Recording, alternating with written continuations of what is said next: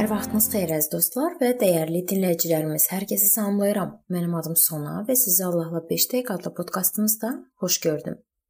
Bu gün mən sizinlə kəlamda mənim Rəbdə sevgili və sədaqətli oğlum deyildiyi şəxs barədə danışmaq istəyirəm. Söhbət kimdən gedir? Kəlamın 2 kitabının ünvanlandığı bu sədaqətli şagird kimdir? Bu Timoteydir. Mömin Yahudi qadınla Yunan kişinin oğlu. İlk dəfə onun adı Listrada, Həvarilərin işləri 16-cı fəsil 1-ci ayədən 3-cü ayəyə qədər. Paul onu müjdəni yayanların komandasına qəbul edəndə hallanır. İmanlı bacı-qardaşlar onun barəsində xoş sözlər deyirdi və o yəhudilərə daha yaxşı xidmət etmək üçün sünnəti qəbul etməyə razılaşdı. Timotey və Paul arasında çox isti münasibətlər yaranmışdı. Daha qətiyyətli, yaşca böyük Paulla təmkinli, ondan yaşca kiçik Timotey arasında qarşılıqlı münasibət bizim üçün örnək və ilhamlandırıcı ola bilər. İlk müjdəçi səfəri zamanı Paulun başına qeyri-adi hadisələr gəlmişdi. O topal adamı sağaltmışdı. Ona Yunan allahı Hermes kimi sitayiş edirdilər. Barnaba isə isə Zevs kimi. Onu daşqalaq etmişdilər və düşünürdülər ki, ölüb. Şagirdlər ətrafına yığılanda isə Paul ayağa qalxıb şəhərə qayıtdı. Ertəsi gün isə Barnab ilə birlikdə Derbeyə getdi. Paul və onun yol yoldaşı sonradan Listraya, Konyaya və Antakiyaya baş çəkdilər. Şagirdləri ruhən möhkəmləndirdilər və imanda dönməz olsunlar deyə onları həvəsləndirdilər. Ola bilsin Timotey Paul ilk dəfə onların şəhərinə gələndə Məsihə gəldi və indi həyəcan içərisində olan digər şagirdlərlə birlikdə yerdə huşsuz vəziyyətdə qalan Paulun yanında dayanmışdı. Timotey düşünmədən Paula qoşuldu. Baxmayaraq ki, onu necə qəddarcasına döydüklərinin şahidi olmuşdu. Müqəddəs kitabda deyilir ki, Timotey Yunan idi, yəni imansız, Amma Paul onun anası Evnikinin və nənəsi Loisin riyasız imanını yüksək qiymətləndirdi. Bu 2-ci Timotey 1:5-də yazılıb. Sənsə öyrəndiyin və güvəndiyin şeylərə sadiq qal. Çünki bunları kimlərdən öyrəndiyini bilirsən. Müqəddəs yazıları uşaqlıqdan bilirsən.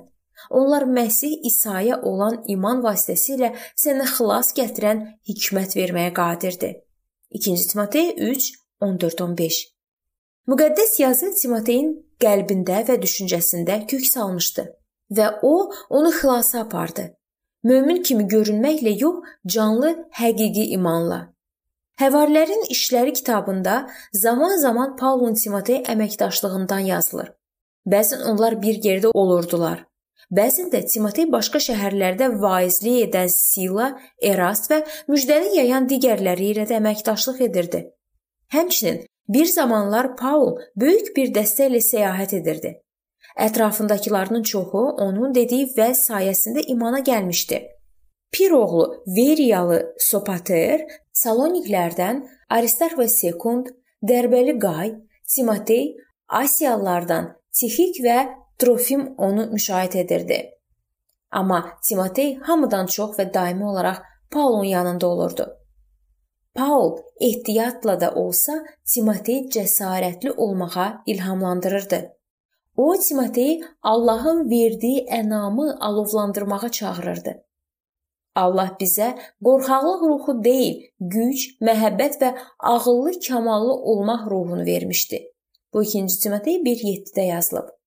Paul Timoteyin başqalarına xidmət etmək bacarığına əmin idi və Qardaşımız Məsihin müjdəsini yaymaqda Allahın əməkdaşı olan Timoteyi sizi imanda möhkəmləndirmək və ruhlandırmaq üçün göndərdi.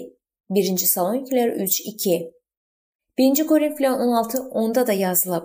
Timotey, nə vaxt yanınıza gəlsə, aranızda olan onun heç bir şeydən qorxmamasına diqqət yetirin, çünki o da mənim kimi Rəbbin işini görür. Bu mövzunun davamını biz növbəti görüşümüzdə araşdıracağıq.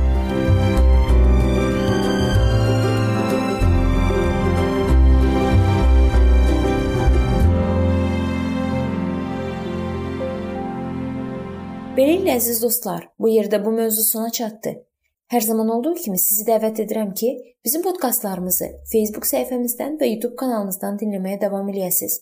İndi isə mən sizinlə sağollaşıram və növbəti görüşlərdə görmək ümidi ilə. Sağ olun, salamat qalın.